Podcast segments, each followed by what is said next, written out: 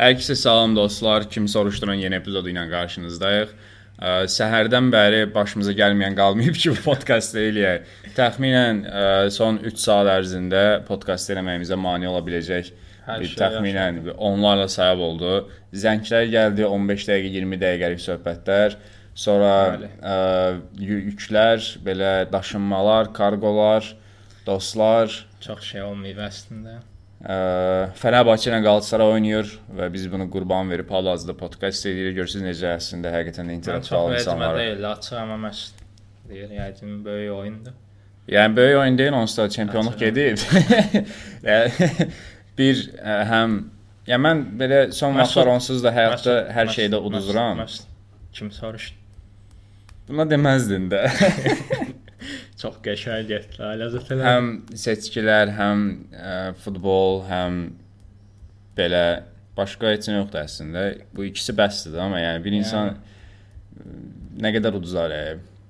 Axırı 2013-də çempion olmuşuq, Eyşan. Olmaz e belə. Yəni adam 13 yaşım var idi mən.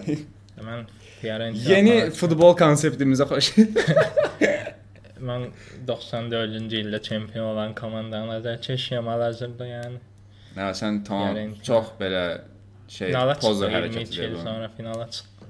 Yəni finalına. Bilmirəm. Konferansiya, konferansiya kuboku. Axırı nə oldu bə? Qarabağın falan oynadı. Axırı nə oldu? 7-si oynayırlar. Hə, oynamayıblar. Okay. Maraqlıdır. O nədir? 3-cü liqanın çempionlarının Avro liqasıdır. Avro liqanın bir dənə aşağısı elə bil. Okay. Okay. Mən elə bildim Fiorentina ümumiyyətlə 2-ci, 3-cü liqada oynayır. Yox, hə. Bilsən Okey. okay. arada bir oyunçu tapırlar, satırlar, sonra təzədən düşürlər, yenə oyunçu tapırlar, satırlar. Bayra düşdüm. Biznes. Bu arada bir şey də deyim, bugünkü qonaqlarımız İlber Ortaylı ilə Cəda Şəngördür. Onlar yaxşı ki bizi ziyarət ediblər. E, sözü verək. Sözü verək İlber Ortaylıya. Şimdi arka, yəni təqlid eləyənməyəcəm amma Təqlidini mən də eləyənmədim. Eləmək istəyirdim əslində. Səsi qəribə. Hə. Cahil zarafat eləməyi düşündüm amma O e, hə, çox. 20 ilin söhbətidir də. Adam o zarafat eləyəndə cavan idi yəni. Açığı. Okay, ə, başlayaq. Kim soruşdun konseptini qısaca izah edeyim ki, xəbərlər, gündəm belə şeylərdən danışıb rəy bildiririk və ə, başqa da heç nə əməliyyatı. Yəni bu qədər sadə. E, Hətta əsas gündəm nədir? E, bildiyin kimi ya bilmədiyin kimi deyirəm, bilirsən çünki mən də çox bilmirəm. E, Hollywoodda yazarlar e, şey eləyir. E, Writers tətil Strike eləyir. Guild Bəli. tamamilə dəstəkləyirəm. Yəni mən düşünürəm ki, ümumiyyətlə bu məsələlərdə yazıçılar ə, maksimum rəğbəti qazanmalıdır. Yazıçılar, bəli. Hətta Yəni adamların qazandıqları pulu- zarafat yazan insanlar falan Yes. hamısı tətildədir. Buna görə də bir çox film hal-hazırda e, təxirə Film, salınıb. serial. Ə, xoşbəxtlikdən sadəcə Succession-da elə bir problem yaşamadıq. Çünki onun ssenarisi Tanış, artıq hazır idi, hə. yes. Amma bir çox serial və kinoda bu dayanıb. Əslində orada çox qəribə məsələlər baş verir. Ə, ümumiyyətlə belə baxanda bütün bu uğur qazanan kino və serialların arxasında dayanan yazıçıların əksəriyyəti, yəni ssenaristlərdən söhbət gedir də, əksəriyyəti həqiqətən də gündəlik olaraq ə, özlərini idarə edəcək qədər pul qazanmırlar.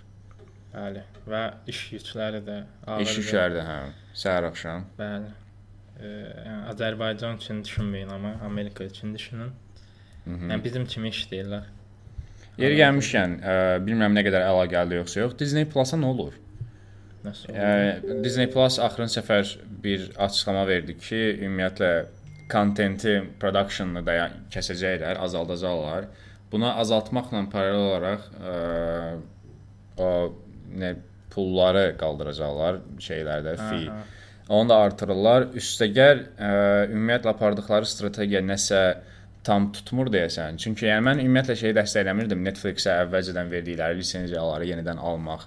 Yəni sən ə, adamlar şeyin fərqinə varıblar ki, əllərində olan kontenti başqa bir streaming servisə satanda daha çox pul qazanırdılar. Nəinki o streaming servislərini quranda. Bəli. Yəni hal-hazırda həqiqətən çox əziyyət baxdığı vəziyyətdən. bir şey təzədən yamlama. Hə, o onsuz da çox qəribə strategiya idi. Ə, və onsuz da məsəl üçün səndə hal-hazırda hər şey olduğu halda sən birbaşa belə bir bazara gəlib orada ayaqda durmağa çalışmağın onsuz da sənin üçün çox qəliz bir şey olacaq. Amma Disney Plus-dan danışırıq da, yəni Yes. dayanmadan çoxlu oyuncaqlı oyun e, animasiyalar çıxardıb, şirin oyuncaqlar satmağa çalışan məsələn, Mandalorian. məsələn, Grogu məsələn, o Groot var Mandalorian idi. Mandalorian çıxdı. hə? Hə, mən ilk qaldı. Ə, bir Tamam, iki bölümə qurtardı sezon. baxdım. Hə, bitdi. Ha. Sadəcə yəni belə çox şey gəldi. Məncə həqiqətən Hype öldü, yoxsa mənə elə gəlir. Hype ölməyib. Məsələn, əvvəlki sezonlarda ə, fan refer- fan servislər var idi, nə bilim, həqiqətən bir storyline var idi belə, maraqlı hadisələr baş verdi falan. Bu sezonda, yəni ən azından ilk 2 bölümdə sadəcə şey idi belə, Mandalorian və onun sərgüzəştləri. Yəni biz hər bir halda demişdik ki, bunu dəstəkləyirik, amma bu qədər də sırf Mandalorian və onun sərgüzəşləri olmasın da, yəni biraz ə, daha maraqlı şeylər də əlavə eləmək olar. Mən şeydə hörmətim öldü. Biraz Grogu-nu göndərib sonra Boba Fett-də təzədən elə belə ha ha qayıtdı kimi elədilər falan. Hə. Bəs mən Mandalorian niyə baxıram? Niyə başqa demə. serialdan Boba Fett. izləməliyəm? Boba Fett bildiyim Power Rangers idi. Power Rangers'ın serialı. Hə, bir də şey Groot'un animasiyaları çıxmışdı 5-6 dənə. Yadımdadır. Sonra Studio Ghibli ilə bir yerdə də nəsə elədilər Baby Grogu. Studio. Ghibli ilə bağlı. Bu arada Miyazaki-nin deyəsən səhv eləmiş olmayım, görmüşəm Yox, amma iyul ayında Bəli, 14 iyulda You Live adlı yeni animesi çıxır. iyul ayında Miyazaki animesi gəlir və bütün kreativ heyət birlikdə qərara gəliblər ki, heç bir reklam, treyler, teaser və s. olmayacaq. Çünki və bunu da belə bildiriş kimi yayımlayıblar. Orada deyiblər ki, ümumiyyətlə bu kimi şeylər gələcək kinodan və və yaxud da ki, anime, animasiyadan çox şey verir insanlara əvvəlcədən və bu onların kinoteatrda yaşadığı təcrübənin həzzini daha da aşağı eləyir. Çox razıyam bu. Yəni. Tamamilə dəstəkləyirəm. Bezmişəm hər dəfə çıxır. Çox önəmli şeyləri treylerə qoyurlar. Mən bunu kino Mən ücret treylerə heç 20 dəfə- saniyə baxıram. Mən e, arada heç baxmıram. Və məsələn, Düyünə Dune hələ də baxmamışam. Dune çıxdı, mən yenə 20-30 saniyə baxdım. Yadıma düşdü ki, necə mükəmməl bir kino idi, bağladım yəni. Mən onu kino teatrda görmək istəyirəm də. Yəni niyə qabaqcadan? Göstərə qabaqcadan. Nə bilim Timothy Chalamet biraz da belə görünür falan. Hə, əla. Yoxsa o yox, burada belə olacaq. Görəsən nə olacaq? Nə? Araya bir dənə komik səhnə. Eynən. Ha ha. Axıra doğru da belə mahnı coşur, yazılar tez-tez çıxır falan. Eyə. Tipik treyler belə. Qaqaşın adı nə idi? Hans Zimmer'dən bir iki dənə Bit. Hans Zimmer necə belə bir dahidir. çox. Hans Zimmer'i çox tərifləmiş eləyəsən. Hə, bir dəfə danışmışdı o Dune-dakı mahnıları necə düzəldiblər falan. Orada hətta ə, bizim Balaban Zurna, yəni ki, sadəcə bizim Balaban Zurna adı ilə yox, Armeniya Düdük adı ilə ə, Balaban istifadə Zurna. etdiklərini qeyd eləmişdilər. Amma hər bir halda eyni coğrafiyanı bölüşürük, eyni musiqi alətidir. Həmin ə, zurnanı orada görmək mənim özümə çox xoşuma gəlmişdi məsələn. Bəli. E, hal-hazırda qəşəng büdcə xəbərləri var, maraqsız. Onları da deyim. Little Mermaid 300 milyonu keçdi. A, həqiqətən e, bu arada o Bax. tutdu, e, o. Niyə tutdu. çıxdı? e. Yəni məncə uje Mən düşünmüşdüm ki, belə hamımız məsələn Morbius olacaq. Yo ciddi-ciddi tutdu. Tutdu, Yəni belə normal bir kino kimi. Deyə hə, şey o gördüm mən. Heç bir problem olmadan. No Country for Old Men-dəki Killer Qaqaş da oynayırmış. Kino. Anton Chigurh personaj. o- Aktyor da Javier. Yo yo o, o Javier Bardem, hə hə. Anton. Yo. Yes. Maraqlıdır. E, O yüzdə atası idi belə əlində üç başlı şey olan. Ciddisən. O adam O- belə çox qəribə rollar oynayır. e, James Bondda da maraqlı bir dənə rolu var idi. Biraz şey oldu. Mən yetişdim. Agenti tam olaraq nə düşündüm? Yəqin qızı falan. Okay, heyran sənin yadına belə bir şey salım da. Ritchie Ələddini çəkib. Kino Ələddini. Yəni bəzən pul qazanmaq lazım olur. Görsən Disney-dir də. Şeyin təzə kinosu çıxdı ya. Jack Gyllenhaal'la e, bu bir dənə rejissor var. ya. e, Ryan Johnson idi nə idi? Star Wars-u Knives Out-un deyə Hə, ya, ya hə, da Ryan Johnson. Gentleman'ın. Ryan Johnson. Hə, Hə, onun- Gentleman şeydir, Guy Ritchie-dir. Hə o. Ondan Jack Gyllenhaal'ın təzə kinosu çıxıb. Guy Ritchie ilə Jack Gyllenhaal kinosu çıxır. Guy Ritchie-dir deyəsən. Mən deyirəm Guy Ritchie-dir. Okay. Maraqlıdır. dəqiqləşdirərdim, amma həvəs yoxdur. Siz özünüz araşdırarsınız, amma yaxşı rejissor idi, onu bilirəm. Okay. Gedib baxmaq olar, kino teatrlara da gəlib. Across the Spider-Verse gəldi və təəccüblüdür, hələ də baxmamışam. Bəzi planlara. Kino görə- teatrlardadır görə. Hə, iyunun 1-dən çıx. Ya sırf Azərbaycanda tez çıxıb, yəni Amerikada çıxmayıb, yoxsa Azərbaycanda bir gün tez çıxıb. Dünyada 2 iyun. Ha, tam yayınlanıb yəni. Ha, Mən ya. niyə bilmirəm bunu. Gedək baxaq da. Baxarıq. baxaq danışaq. Ə, 4.7 letterboxd var hal-hazırda, yəni dəhşətli bir şeydir. Əla, titrlərdən sonra nə arada danışaq. Bəli. Mütləq. Başqa Super Mario tarixin ən çox gəlir qazanan 2-ci animasiya filmi oldu. Mən baxdım bu arada. Ə, Mən onunla bağlı bir şey gördüm. Aha. Ola bilsin Nintendo digər oyunlarla bağlı da ə, animasiya filmləri yayımlamağa Animasiya- başlasın. E, oyun filmləri bu aralar çoxdur. Sonic-dan sonra başladı, bir dənə qəşəng dalğa yarandı. Mario da həmin hype-a düşdü. Və Zelda-nın animasiyasının olduğunu təsəvvür edirsən. Zelda qəşəng dedilər amma.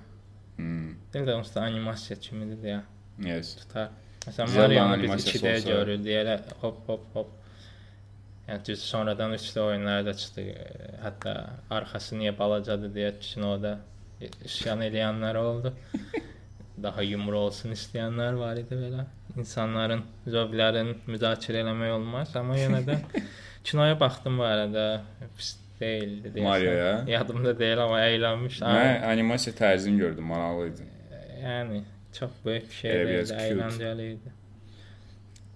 Başqa nə xəbər? Ha, Fast and Furious 10 500 milyon keçdi. Yarım milyard. Kim baxır bunlar? Ə, sonra deyirlər məsələn kinoteatrlar ölür. Necə ölür? e? Yəni belə belə ölüm olur. Yarım milyard puldan söhbət gedir. e?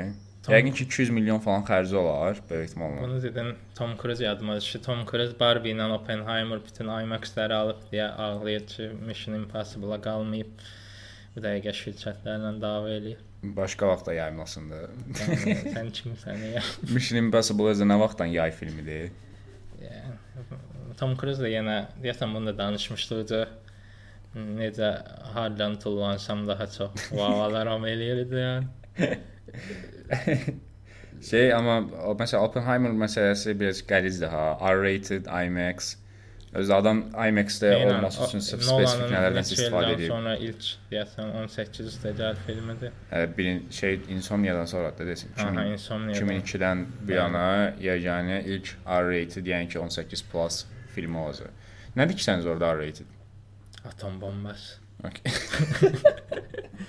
Mən də həqiqətən Okay. atom bombası izləyirdim. yəni Inception-da cəmaatın yuxularına girib digərlərini öldürmək falan R-rated deyil, amma və yaxud da ki Interstellar-da ki, insanların acından ölməsi kimi faktorlar. Erotik səhnə var. Dənizdə suların altında qalması zət şey R-rated. Olduğunu unudub erotik səhnə dedim amma Einstein var amma Einstein olan bir yerdə. Biraz baxdım, deyəsən Florence Pugh-la Cillian Murphy arasında nələrsə görə bilərik. Çünki orada ə, mövzu şeydir ki, Oppenheimer deyir evlənməmişdən qabaq nəsə bir şeylər yaşayıb falan Einstein var ya kinoda yəni Einstein. Var, hə, onu belə Playboydur yəni adam. onu də- treylerdə göstərdilər də onsuz da ki, baxın bizdə də Einstein da var yəni. Yes. Gəlin baxın Einstein. yenə Nolanın alimlərlə olan. Açanda indi Yadındadır. birini də görəcəyik. Hə, adam hər kinoda Tesla, Bowie-ni Einstein, növbəti dəfə Tesla də yəqin eləmiş. Stephen Hawking qoyacaq. Stephen Hawking. Oldu da Stephen Hawking. Yox, Yəni, Nolan qonaq da kimi onu- də, yəni Hə. kimsə gələcək belə, ona da yəqin supporting actor verəcəklər, yəni Stephen 100%. Hawking səsini təqlid eləyəcəm hacısız. Please no. Paralel bir stireruz Hawking. İllərdir vanı gözləyirdim mən. Axır ki, bütün məşqlərimin qarşılığını aldım. Siz bir də Sabahlar mən araşdırdım. Mən kimi soruşdu, Portuqalistanlar qurallar girər bir şeyim. Bu arada adam yəni səsini kəsmir ha, əli ilə dodaqlarıyla eləyir belə. E, üsulumu Siz o mənzərəni görmürdünüz yəni, yaxşı görmürdünüz açıq. Bəli, bundan xüsusi olaraq cəsarət aldım, amma sən açıqlamasan daha yaxşı idi. Başqa şey də var idi. Nə var idi? Succession bitdi. Succession bitdi. Çox gözəl başladı, çox gözəl bitdi həqiqətən. Succession fikirlərini bölüşdülər. Succession mənim ə, istəyirəm ondan bağlı da danışaq. Erkən başlamalıdır sadəcə. bəlkə ola bilsin əgər tam çatdıra bilməsək, ə, Spider-Man-la birgə onu danışa bilərik. Ə, Succession həqiqətən əvvəlindən sonuna qədər o mem var ya, at memi belə 4 At, dənə hissəyə bölürlər. Atın bir səsi yaxşı çəkir, bir səs pis falan. Yəni bu 3D çəkilmiş at idi da başdan ayağa. Yəni dəhşətli dərəcədə böyük bir şeylər gözləməyə dəyməz nə mənada? Bu ə, Fight Club deyil, bu Breaking Bad deyil. Bu Mad keyfiyyətli Mad Men sayağı, yes. Ə, müəyyən yuxarı iyerarxiyanın çox yuxarısında olan insanların həyatındakı dramları və insanların həqiqətən o boz hissəsində nə ağı, nə qaranı, həqiqətən sırf boz tərəfdən göstərən mükəmməl ssenariyə sahib, mükəmməl dialoqlara, nə bilim, ə, backgroundlara, personajlara sahib. Birin pilot epizodunu Adam McKay çəkib. Çox maraqlı çəkiliş, unikal çəkilişə sahib serialdır. Əgər ə, onsuz da belə family dramalar tutan serial növüdür. Yəni Azərbaycandan hamı möhtəşəm yüzyılın boş yerə fanat olmayıb da. Üstəgəl ə, Game of Thrones məsəl üçün, yəni bu kimi serialların arasından e, mən belə deyək də, məsələn Game of Thrones çox fantastik bir ə, dünyada baş verən belə belə də medieval vibe-ları olan, orta əsrlər vibe-ları olan bir serial idi. Eyni serialın New Yorkda çox böyük bir media holdingin başında duran adamın kimə öz ə, varisi seçməyini müzakirə edən serialdır, yəni və burada da o qədər qəribə ə, storyline-lar formalaşır hər bir epizodda. Və bir şey dedim ki, hər bir epizod bir kino kimidir. Yəni onun ağırlığını həqiqətən hiss edirsən. Birinci bölüm qurtaranda mən girdim IMDb ratinginə baxdım. 8 nöqtə neçə idi, əslində elə də böyük deyildi. Amma mən elə bir kinoya baxmış kimi doymuşdum yəni. Neçə dəqiqədir? 1 saat falan. Normalda hə 50 dəqiqə falan. Hə, Bəs, kreditlər belə sual verəcəm bir baxmayan biri olaraq hansı serialları bəyənən adama tövsiyə edərsən məsələn? Ə, spesifik olaraq HBO seriallarını bəyənən, yəni ə, məsəl üçün deyək, Mad Men HBO deyil əslində. Amma yəni Mad Men sayağı HBO-da məsələn True Detective falan bu tipdə serialları bəyənirsə, üstəgəl Big Short, Moneyball, Margin Call falan tipdə belə iqtisadi maliyyə kinolarını bəyənirsinizsə, bir də ki, ə, məsələn şey də var. Ə, Big Short-un maliyyə və iqtisadiyyat tərəfindən əlavə çəkilişi və komediya məsələsi də var. Dark humor cəhətdən də həqiqətən qara yumoru bəyənirsinizsə, qara yumoru bəyənirsinizsə 100% baxılmalıdır yəni. Üstəgəl personajlar, bir də yəni ə, yenə bayaqlar dediyim kimi də bu Fight Club deyil. Burada çox dəhşətli böyük twistlər, ə, fantastik hadisələr baş vermir. Ə, hər bir halda twist var onsuz da. Əsas məsələ onsuz da varisin kimin olacağı və onun üzərində aparılan mübarizədə təbii ki, twistlər var. Amma yəni bir şey gözləməyin də, belə fantastik hadisələr və s. yoxdur. Ə, çox realistik, onsuz da real yaşadığımız dünyadan gördüyümüz şeylərdir. Sadəcə bu sizə çox maraqlı perspektiv qatacaq ki, həqiqətən iyerarxiyanın yuxarılarında nələr baş verir. Bir ara baxıb danışarıq onda daha ətraflı. 100%. Bölüm bölüm ya da se sezon sezon Olar, sezon sezon Hə. danışa bilərik. gedər ha sezon sezon. Yəni mən hətta iddia eləyərdim ki, indi final oldu, amma yayımlandığı müddət ərzində ə, hal-hazırda sektorda ən yaxşı serialdır. Həla, həla. Bayaq danışdıq. Məşhur sual da vermədim. Birinci Barbie-yə baxırıq yoxsa Oppenheimer? O Barbie necə dəqiqləşdirək? Təbii ki, Barbie-yə baxmırıq. Kostyum geyinib. Hə, mən mən hər sanatı kostyum geyməyi planlaşdırıram bu arada. Niyə kostyum vurğulayım. geyinirsən iyulun ortasında? Cillian Murphy.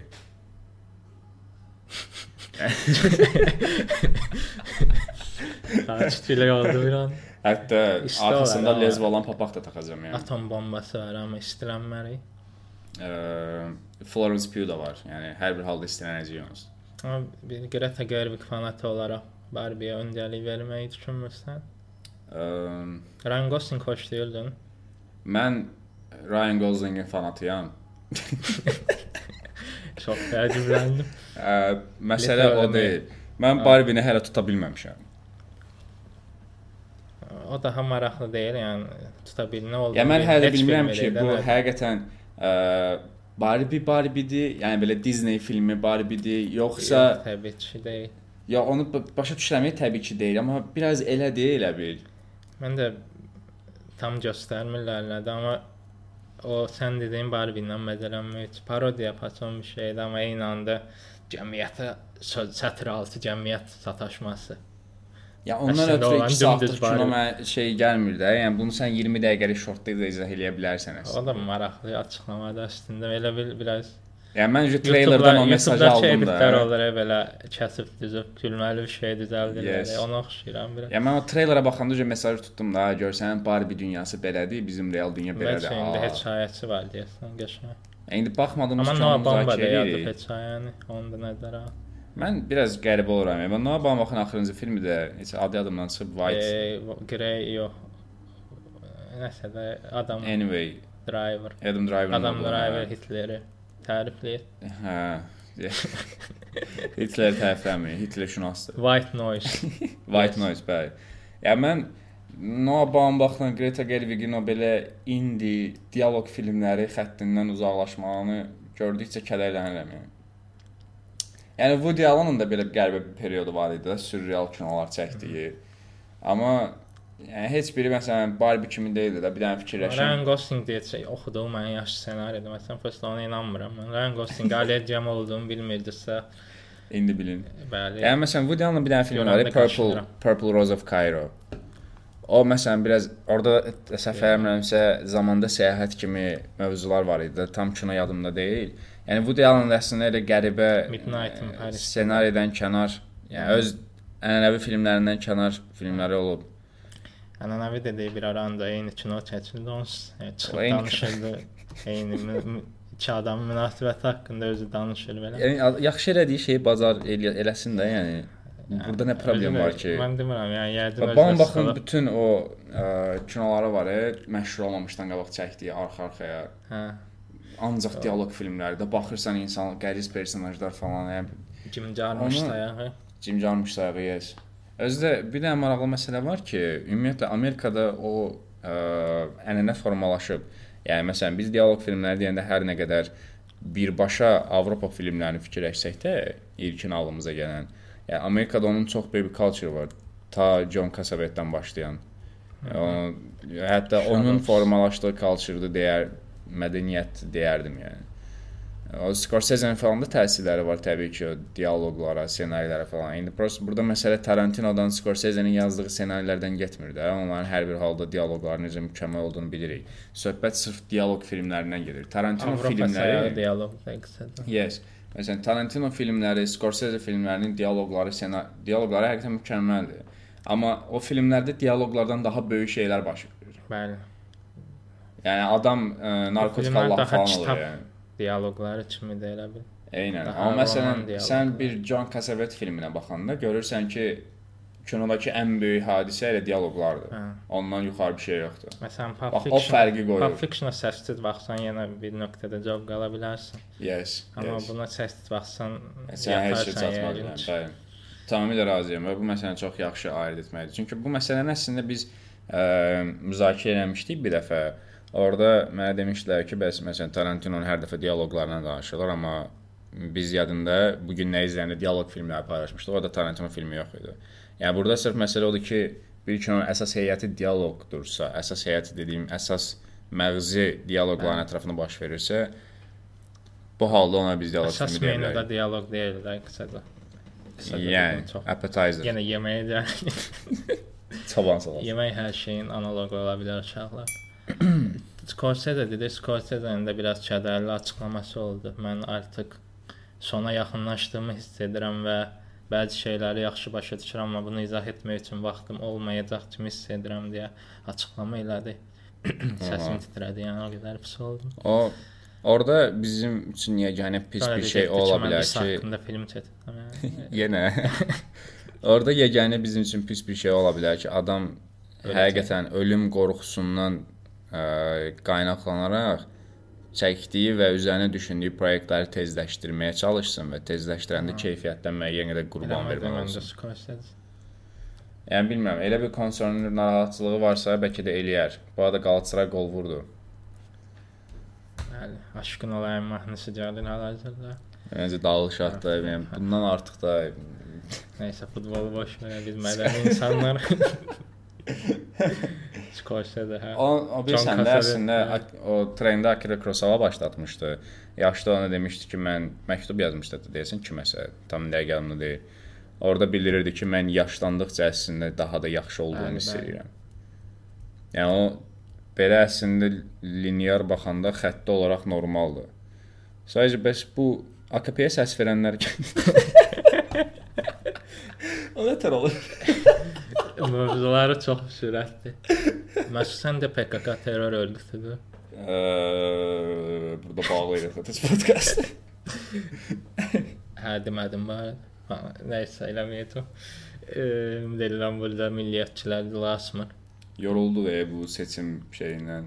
Çox Yəni yoruldu. bir adama nə qədər seçim iynəsi injeksiya eləmək olar. Bir həftə əvvəl 10 il əvvəlki bir saatlıq siyasi debata qulaq asan yerdə tapdım və mən özümü apolitik bir insan görürəm. bir an başa düşdüm ki, çox təsir aldım. Bu coğrafiyada yaşayan insanların apolitik olma lüksü yoxdur. mən. 44 səhifəli yazı. Şey, altılı masanın mətnini oxudum. Oha, hansı Niyə oxudum mətn? bilmirəm. Ee, Şeydə orada seçimlərdə orada Vədlərini? vədlər və Oha. O da İnternetdə var. 44 səhifə. Maraqsızdır. Onsan da Atatürk elə Atatürk belə deyil. Yox da, nəysə demir deyəsən. Unutdum. Hə, şey Scorsese ölür amma Al Pacino ilə De Niro'nun e, nəsli atmağa davam edir.